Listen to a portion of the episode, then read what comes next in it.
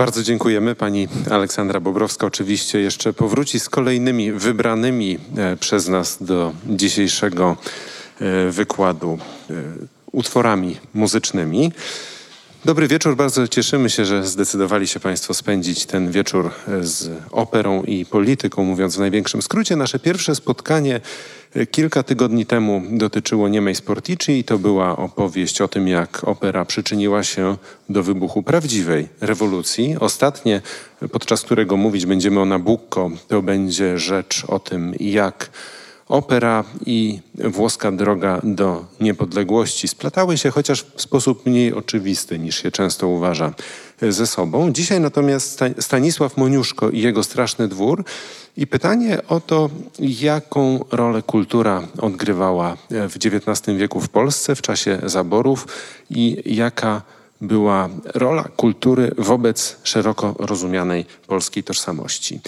Stanisław Moniuszko urodził się w Ubielu koło Mińska 5 maja 1819 roku, zatem już niebawem 5 maja y, obchodzić będziemy y, dwusetną rocznicę urodzin tego kompozytora. Przyznaje się do niego z wielką radością kilka krajów, przynajmniej trzy. A samo sobie ten wspaniały kompozytor, nazywany przez y, historyków muzyki ojcem polskiej opery, często mówił, i tak o nim też pisano, Białorus.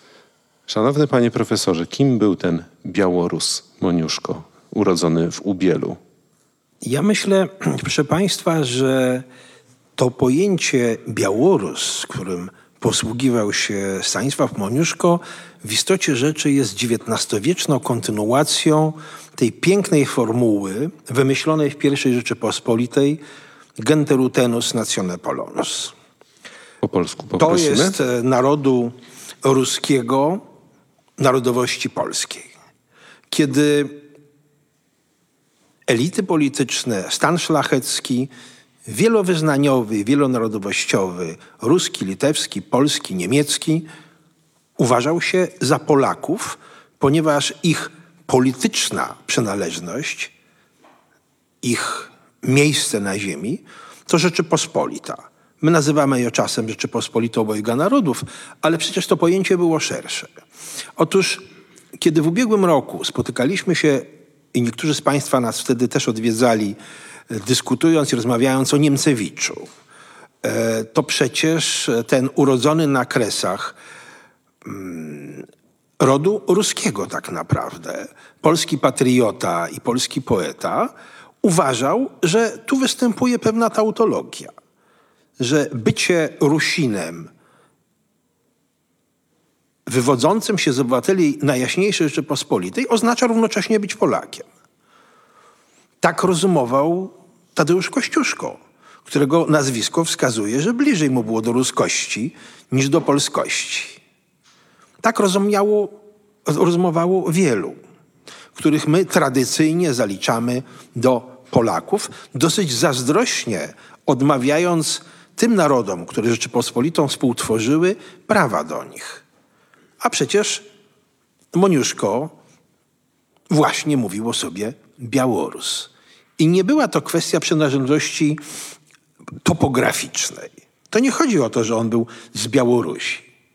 Chodziło o to, że akcent logiczny pada na słowo Rus.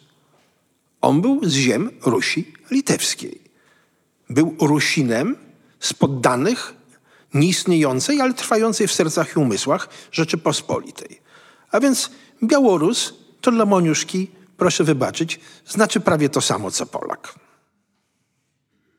Prawie to jest jasne, ale Mamy tutaj kategorię, która jest typowo XIX-wieczna i to myślenie o tożsamości jest w gruncie rzeczy bardzo silnie naznaczone klasowo, bo pan wspomniał o szlacheckości, Dzisiaj, kiedy mówimy o ojcu polskiej opery, myśląc o Stanisławie Moniuszce, y, myślimy o zupełnie innym rozumieniu tożsamości, więc może warto jeszcze parę słów powiedzieć na temat tego, jak ta kategoria tożsamości narodowej wyglądała w XIX wieku i jako przypis tu od razu dodam, że rodzina Moniuszków była pod tym względem dość postępowa, bo jeden ze stryjów, jak to pisze jeden z biografów Stanisława Moniuszki, rozdał chłopom swój majątek, czyli chciał ich włączyć do narodu. Jak to wyglądało?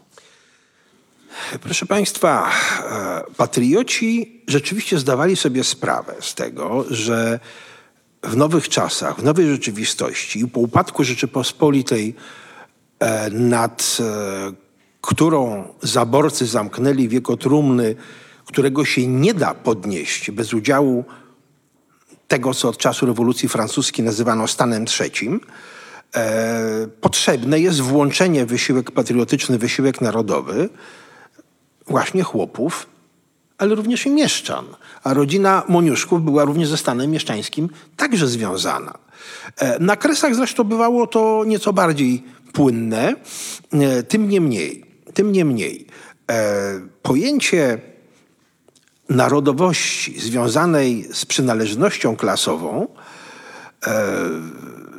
na ziemiach ruskich bardziej funkcjonowało wówczas w aparacie pojęciowym administracji rosyjskiej, która właśnie bardzo starała się wbić klin między poszczególne grupy społeczne, między warstwy społeczne, akcentując polskie pany, ruski dwór, znaczy ruski chłop, polski dwór, białoruski poddany, e, czy również e, żydowski arendarz, prawda? I to akcentowano. Natomiast sposób rozumowania Moniuszków, Kościuszków, Niemcewiczów, Czy Kastiuszków? a właśnie.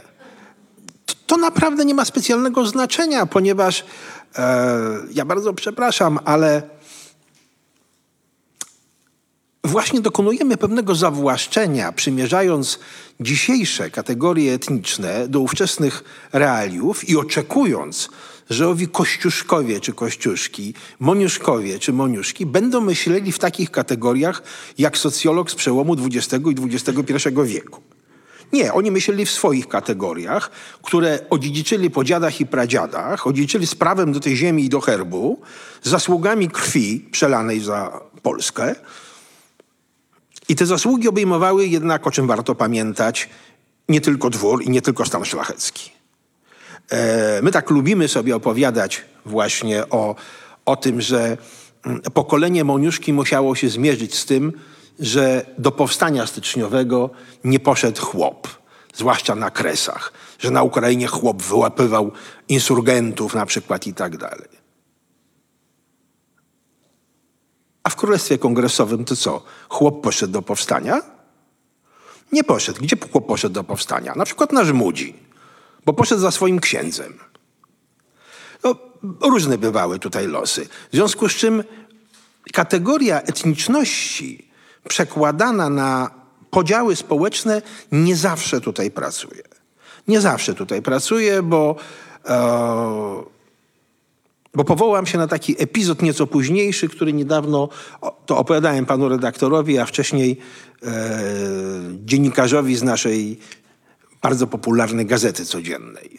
Że kiedy dyskutujemy właśnie o białoruskości i co to znaczy białoruskość, i dyskutujemy to ostatnio bardzo aktywnie w kontekście wydarzeń związanych z Hajnówką, marszami, pacyfikacją wsi Zaleszanej i tak dalej. I mówi się o tym, że to przecież jest ludność napływowa. Ci Białorusini na Podlasiu nie mają praw równych z Polakami do tej ziemi. To ja się pytam wtedy o męczeństwo unitów podlaskich wyniesionych w Polsce na ołtarze. E, I pytam się, czy ktoś ma świadomość, w jakim języku chłop białoruski, patrząc w lufy carskiej żandarmerii, przed egzekucją się modlił i co śpiewał. Mówiący na co dzień po rusku chłop białoruski śpiewał Boże coś Polskę. I to jest odpowiedź. Czy Białorus mógł być Polakiem? Mógł być Polakiem. Czy Moniuszko był Polakiem? Był, bo Polakiem być musiał. Czy się czuł Białorusem? Czuł się. Czy to było w kolizji z jego polskością? Absolutnie nie. To stanowiło właśnie ten bukiet pojęć, który kiedyś stanowiły o tym, Rzeczypospolita obojga narodów była unikalną wartością. Niestety nie udało się jej zachować. Skomplikujmy sprawę jeszcze odrobinę. W rodzinie Moniuszków była kultywowana pamięć Napoleona i jego pochodu na Rosję.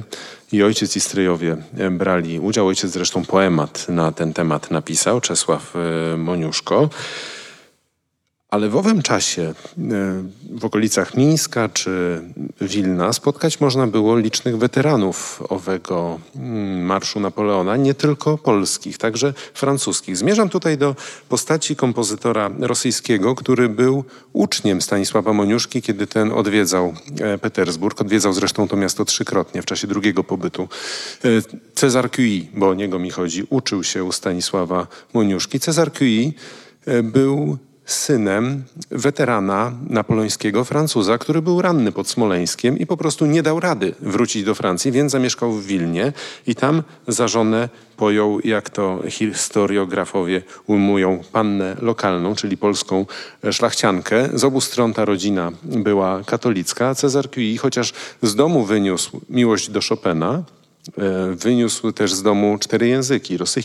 Przepraszam, rosyjski, francuski, polski, e, rosyjski, francuski, polski i litewski. Tak, podobno litewski. Podobno litewski i on też pewne zasługi położył. Nie tylko on, zresztą do drugiego kompozytora rosyjskiego, którego muzykę za chwilkę też usłyszymy, zaraz przejdziemy. Więc widać, że można się było urodzić w rodzinie polsko-francuskiej w Wilnie i zostać e, prawowiernym katolickim Rosjaninem w Wszystko czasie. to jest prawda, ale do pełnego klimatu dodajmy, że można się było urodzić Polakiem i katolikiem i być weteranem wojen napoleońskich, ale z tej drugiej strony.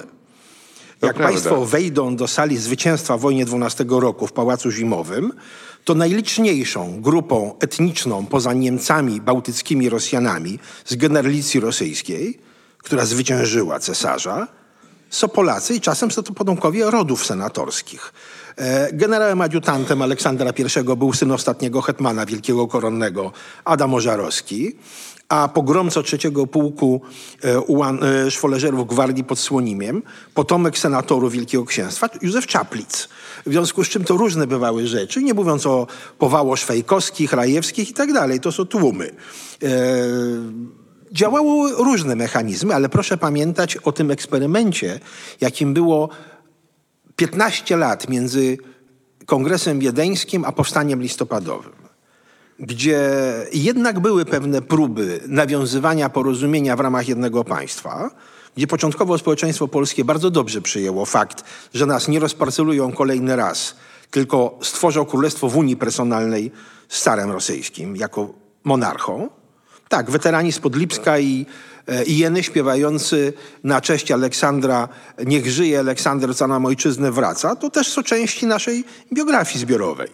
E, Choć nie niesionej na sztandarach dzisiaj. Nie, nie, no nie, no bardzo przepraszam. No dla kogo skomponowano właśnie Boże coś Polskę? No do Aleksandra przecież, no.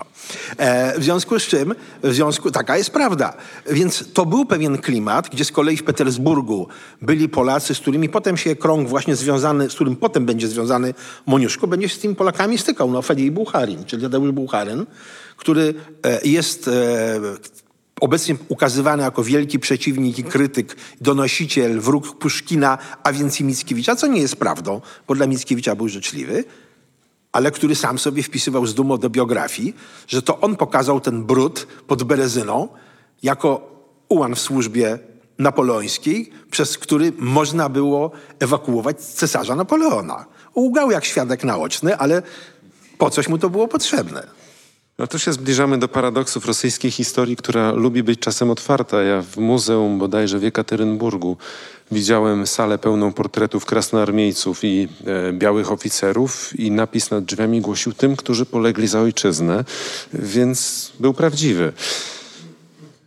Jeszcze jeden kompozytor, którego chcielibyśmy do tego kręgu naszej rozmowy wprowadzić, to jest Mili Bałakiriew. Chociaż kompozytor to jest słowo troszkę na wyrost, bo to był kompozytor amator. Uczył się czego innego na Uniwersytecie w Kazaniu. Urodził się w 1837 roku e, w Nowogrodzie, zmarł w Petersburgu w roku 1910, ale dla kształtowania przez muzykę rosyjskiej tożsamości jest niezwykle ważny, bo należał do potężnej gromadki, czyli tej grupy, która to, co narodowo-rosyjskie, co tak wielbione dziś na świecie, e, właściwie ukonstytuowała, prawda? A jednocześnie był to wspaniały wielbiciel muzyki Fryderyka Chopina, który też miał znaczne zasługi dla kultu Chopina, chociaż dlaczego, o tym powiemy troszkę później, ale należy pamiętać o tym, że Mili Bałakiriew bardzo przyczynił się do tego, by w Żelazowej Woli, miejscu pielgrzymek miłośników muzyki z całego świata, wzniesiono e, pomnik upamiętniający fakt, że tam urodził się Fryderyk Chopin, to właśnie Mili Bałakiriew się do tego przyczynił i inauguracja tego e, obeliska dokładnie miała miejsce w 1894 roku, więc kompozytor, amator, Rosjanin bezsprzecznie, już bez takich zawiłych kontekstów rodzinnych jak QI, a jednocześnie e, wielki admirator Chopina, czego dawał też wyraz poprzez swoją twórczość, prawda? Tak, tak, tak. Rzeczywiście Bałakiriew jest człowiekiem, który jest pewnym w tym pokoleniu zresztą bodajże jednym z najważniejszych pomostów między życiem muzycznym europejskim a rosyjskim, ponieważ to był przede wszystkim organizator życia muzycznego. Kompozytor to on był, no powiedzmy delikatnie mniej utalentowany od swoich naśladowców, kolegów i ale miał kolegów takich jak Musorgski, Rimski-Korsakow, Borodin. Tak, tak, tak. I Kui, którzy zresztą wierzyli w jego posłannictwo, ufali mu. E, a potem rzymski Korsakow musiał za niego i za pozostałych kończyć ich dzieła pośmiertnie, e, bo był jedynym dobrze wyedukowanym, znającym harmonię i parę innych rzeczy. Ale mm, tak się rzeczywiście składa, że Bałakiriew położył ogromne zasługi. Miał wielką inwencję melodyczną, ale do uprawiania zawodu kompozytora, po prostu zawodu kompozytora, najnormalniej, najzwyczajniej w świecie nie starczało mu wiedzy. Nie starczało mu niestety również zapału samouka, bo przecież Rimski, który jest klasykiem orkiestracji, który wspaniale poradził sobie ze sztuką kompozycji, e, tak naprawdę zaczynał też od samouctwa. No, był oficerem marynarki. Tak, tak, tak.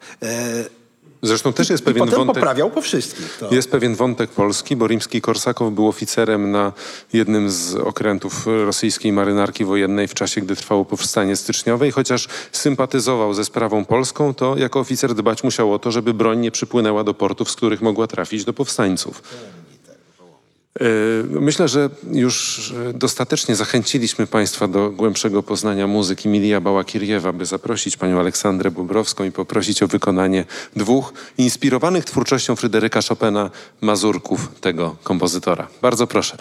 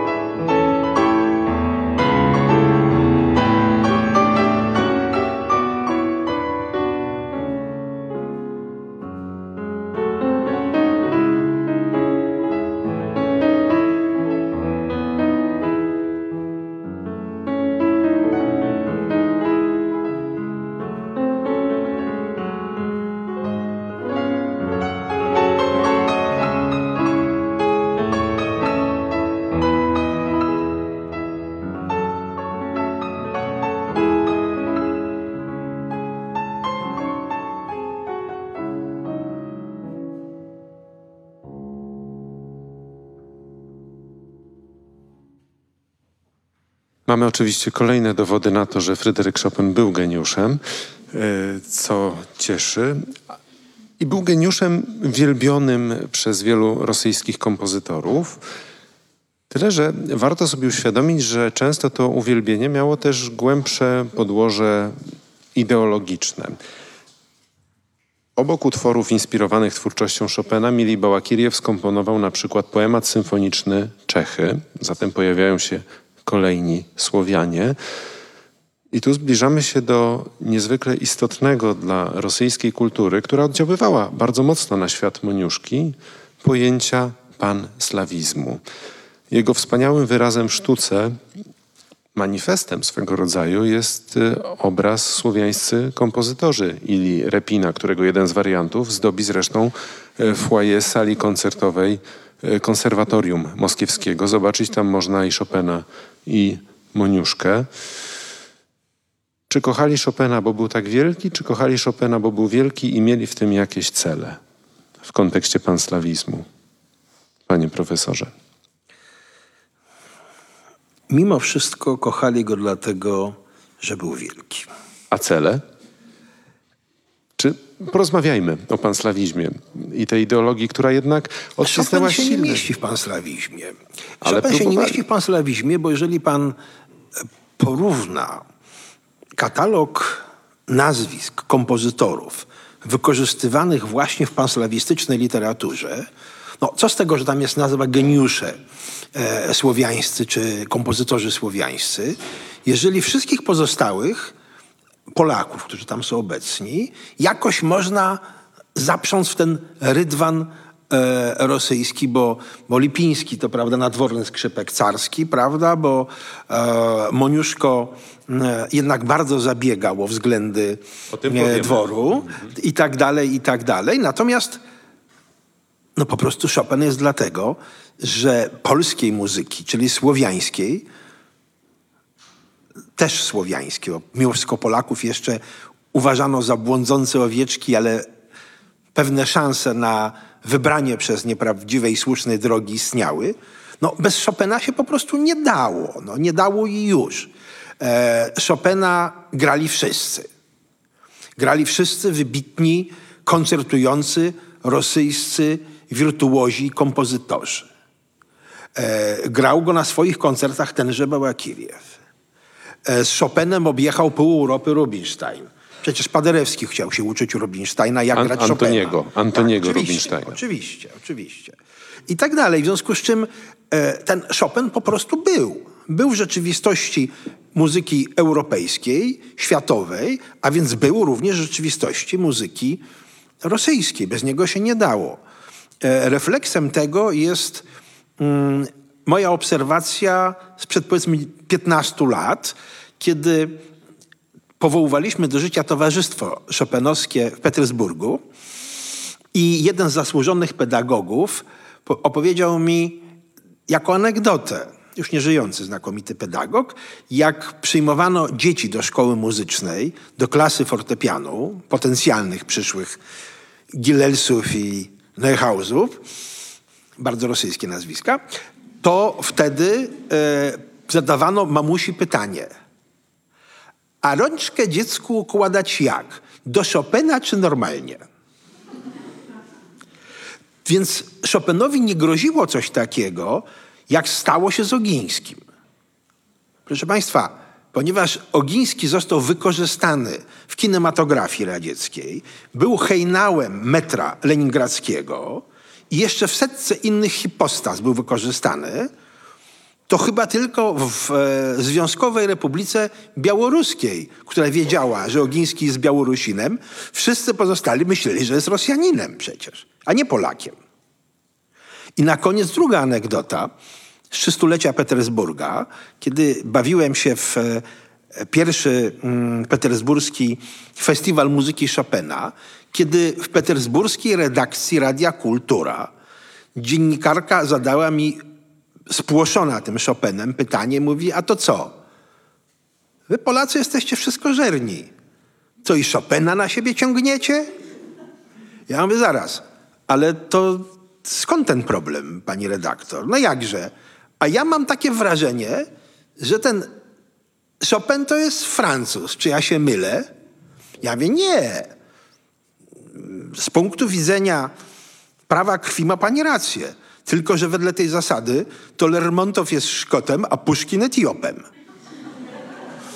E, No i się skończyła rozmowa radiowa. To było na żywo. E, więc proszę Państwa, z tym Chopinem są po prostu problemy. Dla Rosjan, no poza wszystkim, jest swojski. To jest, ja bym przepraszał, przepraszam, bym powiedział, że to jest tak, że to jest taki rosyjski kompozytor, co przypadkowo nie ma rosyjskiego paszportu. O. Dobrze, Chopin siłą swego geniuszu wybił się poza zakusy Na niepodległość. poza zakusy panslawizmu, który jednak oddziaływał bardzo silnie i wiele narodów słowiańskich chciało w tym uczestniczyć. Czesi podłączyli się i korzystają z tego do dziś, bo Bedřich Smetana jest znany znacznie lepiej niż Moniuszko na świecie. Ale to nie jest zasługa panslawizmu. No oczywiście, tu możemy jeszcze mm, zboczyć e, niepotrzebnie. Wracając do Moniuszki. Próbował jednak zostać kompozytorem przynajmniej nadwornym, przynajmniej uznanym w Petersburgu. A gdyby mu się tam udało, to gdzie on by dzisiaj był? Możemy się zastanowić nad tym. Jeżeli Karzyński w Petersburgu nie wygrałby z nim konkursu o posadę i Moniuszko dostałby pracę od rosyjskiego arystokraty, zresztą autora hymnu Boże Chrońcara, Nie wiadomo, czy właśnie Karzyński nie miał w tym produkcie pewnego udziału, bo wygląda na to, że był kniaziowi Lwowowi potrzebny do przepisywania i poprawiania błędów kompozycyjnych. No ale dzięki temu, gdyby się zamienili miejscami, bo wiedzą Państwo, Karzyński skomponował jedno wielkie, wszystkim tu na sali obecnym znane dzieło. Wlaskotek na płotek. Teraz wyobraźcie sobie, że to Moniuszko dostaje posadę, a Karzyński pisze Straszny Dwór. No, można sobie to wyobrazić, zwłaszcza w strasznym śnie, zważywszy na to, co wiemy o muzyce Karzyńskiego. E, e, ważne jest co innego. Ważne jest to, że Moniuszko zabiegał o wszelkie możliwe posady w Petersburgu wielokrotnie. On tam jeździł uporczywie. trzykrotnie. Nie, nie, był co najmniej cztery razy. Był najmniej czte, co najmniej był cztery razy. Nawet mogę panu redaktorowi adresy podać. No ale, ale, ale rzeczywiście, rzeczywiście, jak na przykład mieszkał u kanonika e, w domu Dzierżawina, czyli w e, budynku Akademii Teologicznej, albo na ulicy Milionnej, która potem w Związku Radzieckim nosiła nazwę rewolucjonisty Hałturina. To jest taki, który zepsuł bombę w czasie zamachu na cara i pewnie stąd słowo Hałtura. E, w, jest to autentyczna historia. No, proszę Państwa, tak czy inaczej, Moniuszko jeździł, jeździł uporczywie. E, wielkim patriotą był, nie ulega żadnej wątpliwości. Co nie przeszkodziło mu krótko po powstaniu, też będziemy o tym mówić, jechać do Petersburga i zabiegać o względy byłego namiestnika mm, Królestwa Kongresowego, właśnie z momentu wybuchu powstania styczniowego, wielkiego księcia e, Mikołaja mm, e, Mikołajewicza, e, który zresztą miał to szczęście, że uniósł stąd życie e, mimo zamachu na niego w teatrze, ale dalej był życzliwy Polakom. I tam Moniuszko wręcz się wczepił wielkiego kniazia i e, jest taka pyszna scena jak w Pałacu Marmurowym. To jest to miejsce, gdzie e, Stanisław August umarł jako jeniec Katarzyny więc ten, i dożywał życia malarz Orłowski. E, taki bardzo polski pałac. Kościuszko tam siedział zresztą również. Bardzo polski pałac i tam jest koncert. Mm, Przychodzi wielki książę, a Moniuszko cap wielkiego księcia i zaczyna mu się przypominać. A książę sam gry- grywał na skrzypcach poza tym jeszcze. I nie tylko na skrzypcach. E, I książę jako człowiek dobrze wychowany mówi, no tak, ja pamiętam tutaj, e, panie Moniuszko, pamiętam pańskie utwory, byłem na pańskim koncercie tutaj e, w Warszawie, na co Moniuszko jako człowiek zdesperowany, powiedzmy zdeterminowany, mówi tak, ale wasza książęca wysokość spóźnił się na mój koncert godzinę, skrzypce się rozstroiły, źle to wszystko grało, a teraz będzie lepiej. No, no ale on się bardzo, bardzo, bardzo starał, ale i tak mu było daleko do nauczyciela Chopina Józefa Elsnera, który pomknął do cara z wiernopoddańczym oratorium dwa lata po stłumieniu powstania listopadowego. E, tyle, że jak przystało na Niemca polskiego chowu, e, pomylił daty i pojechał w czasie Wielkiego Postu, więc mu tego nie wystawili. No. W złą stronę to zmierza. Yy, rozmawialiśmy o tożsamości. Jej wyrazem w muzyce, tym wyrazem polskości jest taniec polskość niosący w rytmie i w nazwie polones, który no, oczywiście rozsławiony w swojej koncertowej, nieużytkowej już e, formie został przez e, Fryderyka Chopina. Muniuszko pisywał polonezy, oczywiście te najsłynniejsze są wykorzystane w jego operach. Ale polonezy weszły też bardzo mocno do krwiobiegu kultury rosyjskiej. No, by wspomnieć tylko o tych, które napisał Piotr Ilicz Czajkowski, e, Romanowowie polonezy też kochali. Jak na tego poloneza, patrząc w owej gęstwinie różnych tożsamości, należy spoglądać w XIX wieku? Polonez w Rosji nie jest importem czasów zaborów i skutkiem włączenia ziem Rzeczypospolitej e, w XVIII wieku, a potem w granice Rosji, a potem Królestwa Kongresowego. E, Polonez pojawia się na dworze rosyjskim jako jeden z pierwszych tańców dworskich w drugiej połowie XVII wieku. Jest tańcem, e, który jak żaden inny odpowiada elicie arystokracji rosyjskiej przedpiotrowej jeszcze epoki, ubierające się w polskie stroje Golicynowie, Matwiejewowie i tak dalej, tańczą u siebie ten polonez. Jeszcze w czasie smuty polskie tańce budzą zgorszenie elity rosyjskiej. Jest taki piękny opis w jakimś pamiętniku z czasu smuty, jak e, bojarzy patrzą, jak Polacy tańczą i mówią, e, niezbożna to rzecz, chodzić po izmie na lewo i prawo, jakby się szukało coś, czego się nie zgubiło. A już pod koniec XVII wieku ten taniec, pieszy, pieszy, wielki, chodzony i tak dalej, e, się cieszy dużym uznaniem. Proszę pamiętać o tym, że starszy brat e, cara Piotra, reformatora, co e, Ruś ostrzyk i przyodział w surduty, chodził w kontuszu i żupanie i był żonaty z polską szlachcianką ze Smoleńszczyzny. Oni tańczyli polonezy. Czyli z, białorusk, czyli z białoruską. Ona była z Gruszeckich, więc była raczej polską szlachcianką ze Smoleńszczyzny. E, e, ruska szlachta ze Smoleńszczyzny to są właśnie Moniuszkowie, ale również Glinkowie. Również Glinkowie. Dojdziemy do tego. I tak dalej. Natomiast ten polonez był. W XVIII wieku on też był. On był znany. On był znany.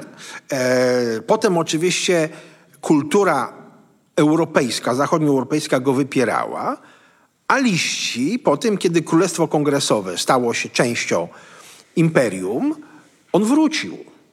E, był popularny, był tańczony, był lubiany. Mikołaj I bardzo lubił polskie tańce i nie tylko polonez.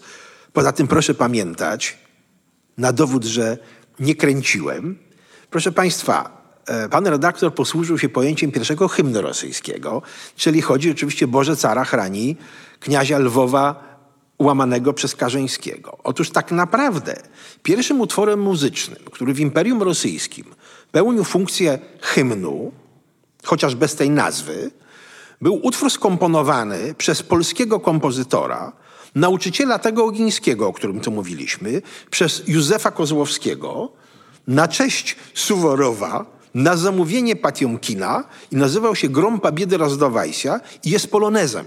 To jest klasyczny absolutnie polonez. I tych polonezów jest strasznie dużo z tego okresu. E, w związku z czym polonezy były. E, a to, że zachorował na poloneza, ale przede wszystkim na Mazura, Mikołaj e, I, to, że tańczenie Mazura, nazywanego błędnie Mazurką, było częścią wychowania oficerów Korpusu Gwardii Rosyjskiego. To, że następnie przeniesiono Mazura do obowiązkowej choreografii baletów rosyjskich, wyłącznie, jak ja twierdzę, po to, żeby osłabić wpływy kultury zachodnioeuropejskiej, przestawić to na tory rodzime. Mimo wszystko Polonez i Mazur się do tego lepiej nadawały niż Chopak i Trepak. W związku z czym, no, był, po prostu był. To było, to było znane, to było zrozumiałe.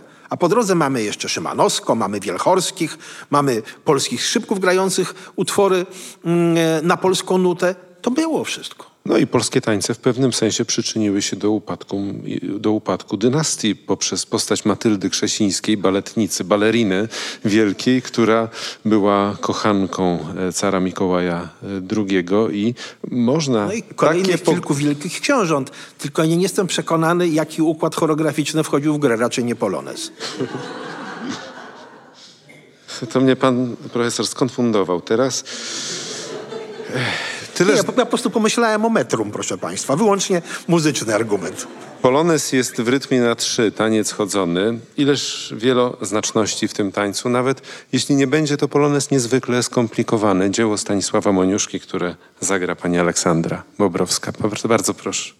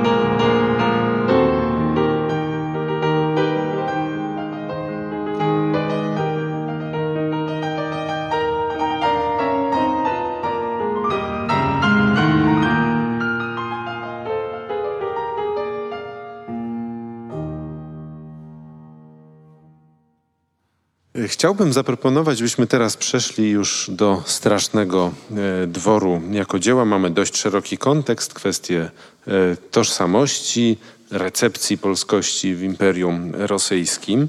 Straszny Dwór dziś postrzegany jest jako polska opera narodowa. Wyrazem tej polskości bywał w różnych okolicznościach na inaugurację odbudowanego po wojnie Teatru Wielkiego w Warszawie. To jest rok 1965. Oczywiście wybór padł na ten tytuł w Polskiej Rzeczpospolitej Ludowej. Ale tę polskość e, symbolicznie rozumianą Strasznego Dworu bardzo silnie eksponowało także dwudziestolecie międzywojenne, właściwie u samego zarania odrodzonej e, Polski, bo 25 października 1919 roku, kiedy naczelnik państwa Józef e, Piłsudski przybył do Wielkopolski, w Teatrze Wielkim w Poznaniu e, na jego cześć zorganizowano wieczór, e, podczas którego to był wieczór reżyserowany przez Ludwika Solskiego. Jak donosił dziennik poznański 28 października 1919 roku, to był wtorek. Cytuję, orkiestra zagrała hymn, jeszcze Polska nie zginęła. E, po długiej chwili podniesiono kurtynę, ujrzeliśmy obraz w Watykanie z Legionu Wyspiańskiego, nastąpił polones Azdur Chopina, a w dalszym ciągu odegrano pierwszy akt Strasznego Dworu. Zatem sztuka o Mickiewiczu, e, muzyka Chopina i Straszny Dwór, taka polskość w pigułce na cześć e, Piłsudskiego. Pokazanie tej Polski kontuszowej, która na bardzo długo zapadła nam w pamięć, bo to wyobrażenie trwa i tak się patrzy na Straszny Dwór. Tutaj dodaję, że za życia Moniuszki i właściwie do, do wybuchu I wojny światowej jednak najpierwszą operą Moniuszki była Halka. Straszny Dwór pozostawał w cieniu. Dzisiaj chyba te proporcje albo się wyrównały, albo nawet odwróciły się. Tak więc tutaj staram się pokazać Państwu źródła swego rodzaju narodowego kultu e, Strasznego Dworu, no ale premiera tej opery, prapremiera przypadła na czas bardzo szczególny. To jest rok 1865. Jak wówczas wygląda Polska po powstaniu styczniowym i jak ten no, poniekąd lekki i bardzo wesoły utwór, David Pountney mówi o tym komedia gotycka, wpisuje się w nastroje społeczne, w estetykę tego czasu? No, w zasadzie to myśmy powinni na to odpowiedzieć wybitnemu reżyserowi z kultury anglosaskiej, że kroniki królewskie Szekspira to wesoła średniowieczna krotochwila. E, po prostu jest to kwestia pełnego niezrozumienia języka i miejsca historycznego danego utworu, również kontekstu.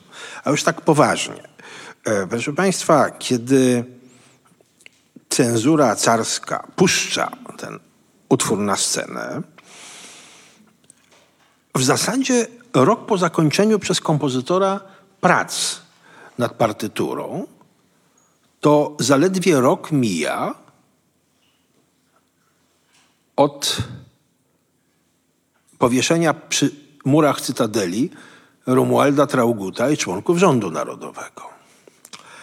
E, nie tak dawno po ostatniej warszawskiej premierze e, Strasznego Dworu ukazały się rozważania krytyka mówiącego, że towarzystwo jadące na premierę mijało szubienice na Placu Zamkowym. Oczywiście na Placu Zamkowym nie było żadnych szubienic, natomiast jest ważne co innego. Ważne jest to, że władza carska zdecydowała się w rok po stłumieniu powstania a nie jak donosi Wikipedia 2,5 roku, zdecydowała, bo to by znaczyło, że powstanie styczniowe stłumiono już w marcu, co nie jest prawdą, e, zdecydowała się na puszczenie do produkcji, mówię dzisiejszym językiem, dzieła, które my uznajemy za kwintesencję polskości.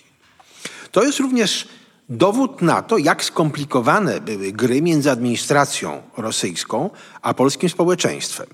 Jeżeli dodamy do tego okoliczność, że na przykład arcyrosyjską operę narodową Życie za cara, czyli Iwan Susanin, zdecydowano się wystawić w Warszawie bez polskiego aktu, który jest uznawany za akt nieżyczliwy Polsce, I tak wystawiany Czyli był przez wystawiano, czas. tak, wystawiano to bez, bez polskiego aktu, żeby nie obrazić Polaków.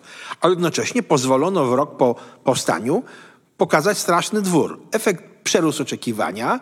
E, sala reagowała tak żywiołowo, że zdaje się niektórym się skojarzyło z Niemo Sportici właśnie z Oberem, o którym mówiliśmy e, przed e, Czyli z dziełem, które wywołało, belgijską rewolucję. która wylała się z teatru na ulicę, można powiedzieć. W związku z czym po trzech spektaklach to zdjęto. Straszny Dwór miewał duże problemy z wystawieniem w Imperium Rosyjskim, chociaż Halka szła przy kompletach w teatrach państwowych i prywatnych dziesiątki razy do rewolucji październikowej, a potem szła również jako, e, jak pisano, jadowita krytyka społeczna, obnażająca prawdziwe oblicze polskich panów, a Straszny Dwór nie. Symptomatyczne, tak nawiasem mówiąc, w kontekście panslawizmu, o którym pan redaktor wspominał, że w Rosji, w stolicy rosyjskiej, zapaliło się zielone światło na wykonanie Strasznego Dworu. Kiedy? Ano mianowicie po wybuchu I wojny światowej, żeby pokazać Polakom, że jako wierni poddani cara, którzy pójdą przeciwko Niemcom, e, mają pełne przyzwolenie dla rozwijania swojej kultury narodowej, która jest kulturą słowiańską przecież. No, a to chodziło o to, żeby nie dezerterowali z armii.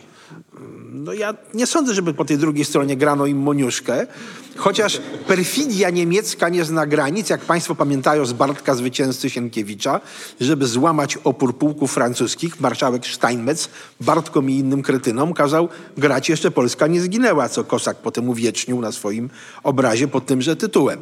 E, No ale to były ewenementa. Natomiast rzeczywiście był ten problem. Był ten problem.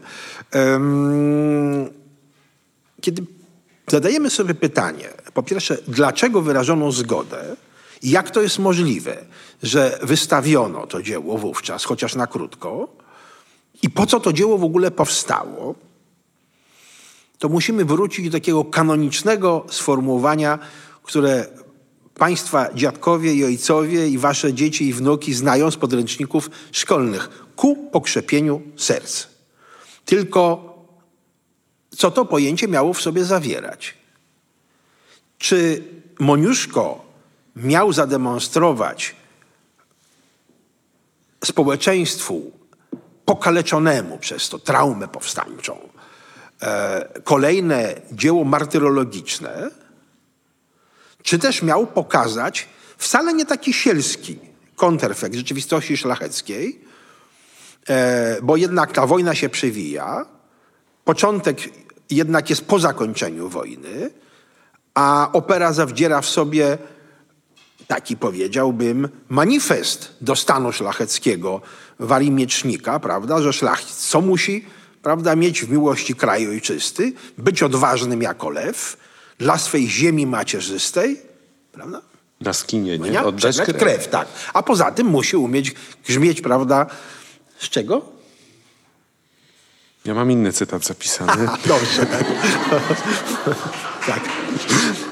I to grzmieć niby z nut, prawda, z broni ognistej. Także proszę Państwa, e, to były zalecenia ćwiczenia bronią. Oczywiście cenzura carska to zrozumiała. Ona to wyłapała. Mimo, że to nie było brutalnie otwartym tekstem powiedziane.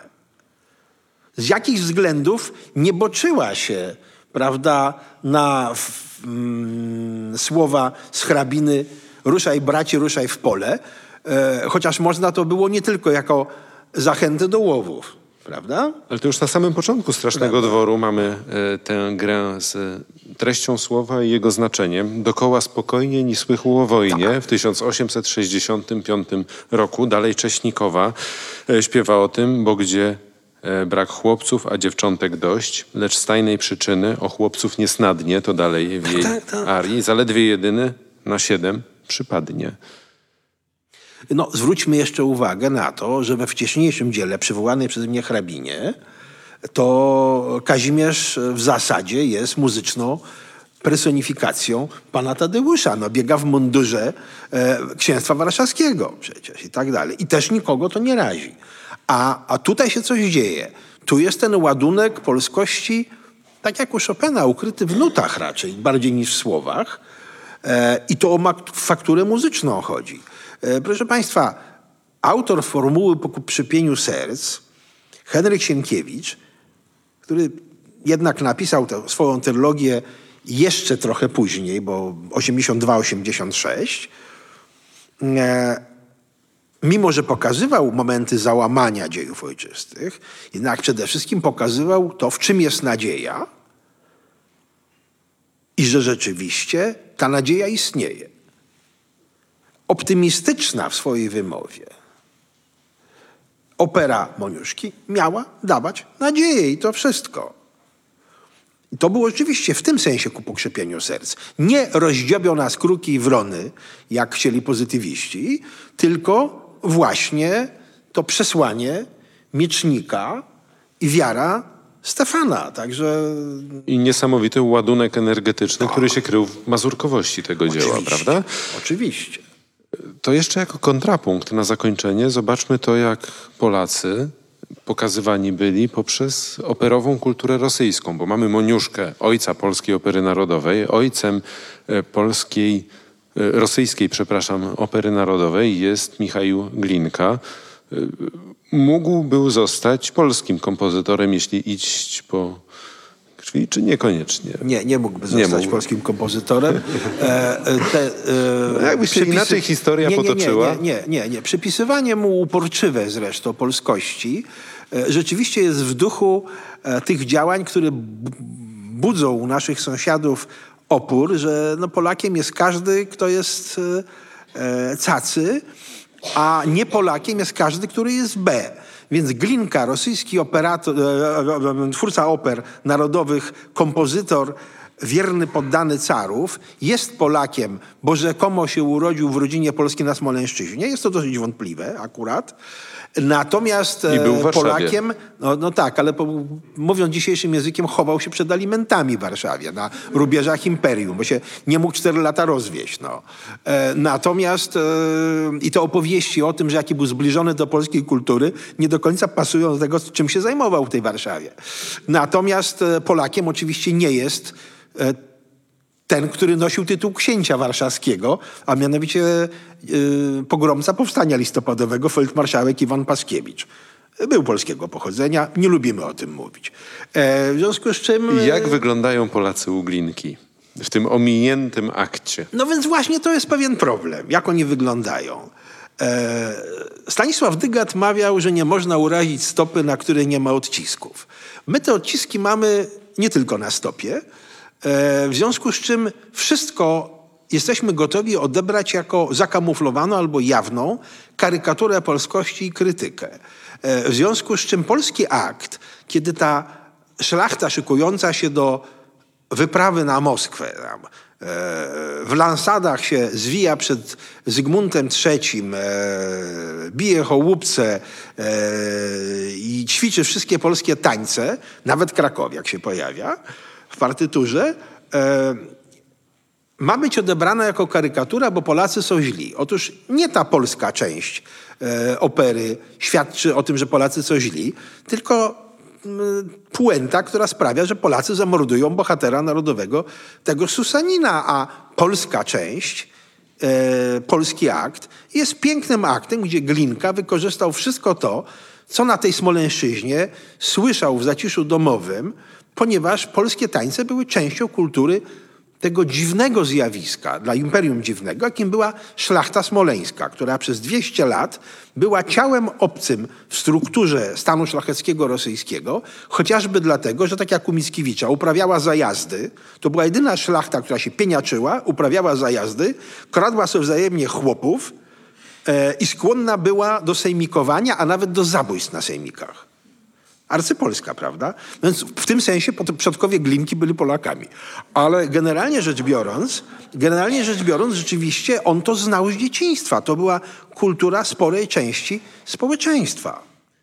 I to kultura, która przeniknęła do tego świata, który zachwycał się muzyką Chopina, w tym sensie, że weszła do salonów także poprzez opracowania fortepianowe, jak to, które usłyszymy na zakończenie naszej To dzisiejszej tylko na zakończenie rozmowy. dodajmy, że to się nie kończy na Glince, bo w to samo Oczywiście. stronę pójdzie Mussorgski, wspaniałym polskim aktem i sceną przy fontannie, prawda, puszkinowsko-musorska scena e, wyprawy szlachty na Moskwę, powtarzająca przesłanie Glinki, ale potem mamy jeszcze e, polskie rytmy, polskie tańce u Czajkowskiego, no i konia z rzędem temu z Państwa, który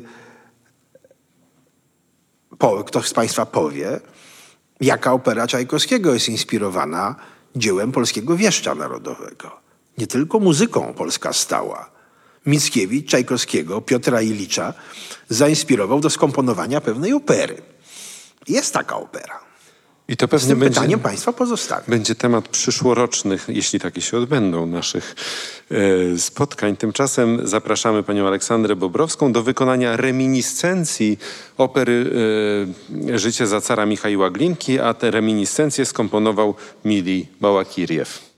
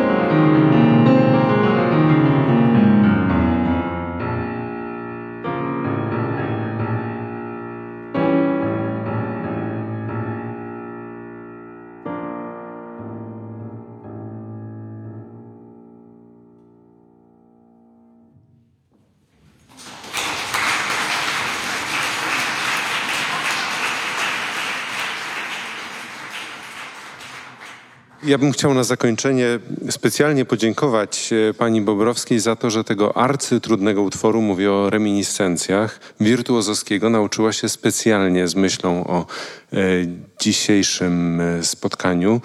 Czy mm, mieliby państwo chęć o coś zapytać? Jeśli nie, to nie wiem jak Narodowy Instytut... A to nie powiemy.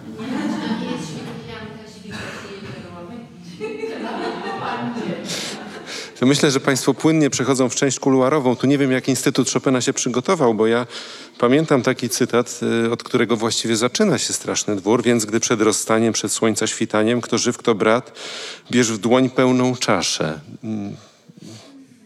Następnym razem. Tak, bardzo proszę. Y, Czy to, co tu padło właśnie na tym spotkaniu, mówił pan profesor, czy to gdzieś można kupić w formie pisemnej? Całą tę wiedzę.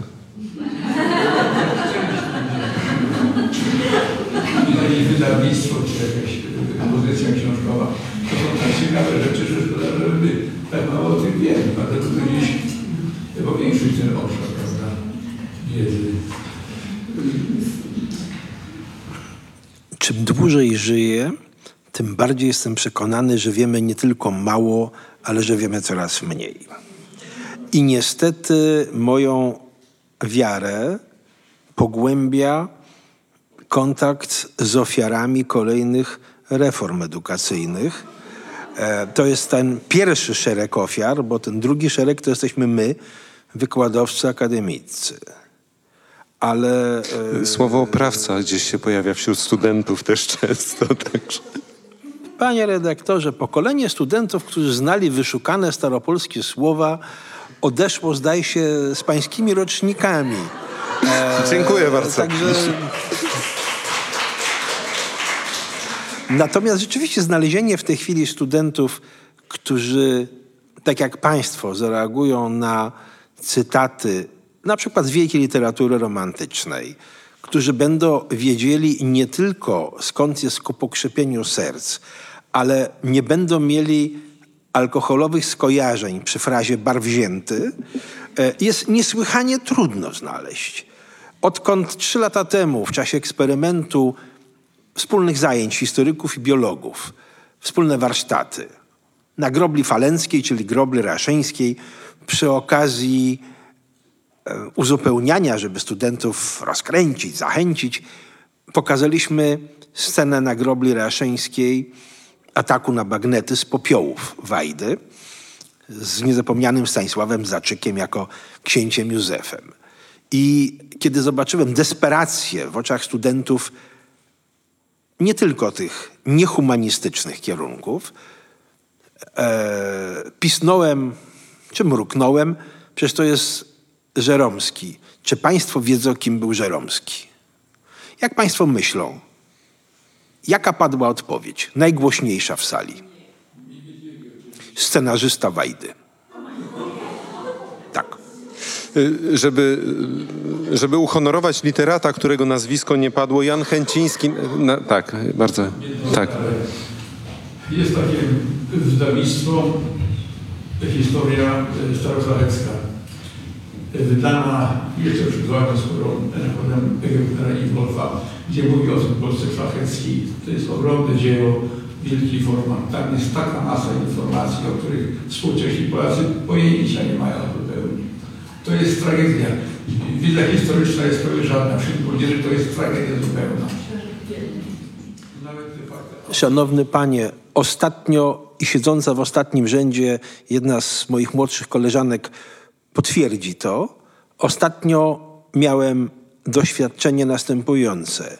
W grupie złożonej to studia pierwszego stopnia na Wydziale Humanistycznym UW miałem grupę humanistów, w której na 15 obecnych osób trzy czytało Kordiana, ani jedna nocy listopadowej, a warszawianka nie kojarzyła się z niczym. Koniec, kropka. Jak można uzyskać maturę z języka polskiego, a tak naprawdę promocję ze szkoły podstawowej?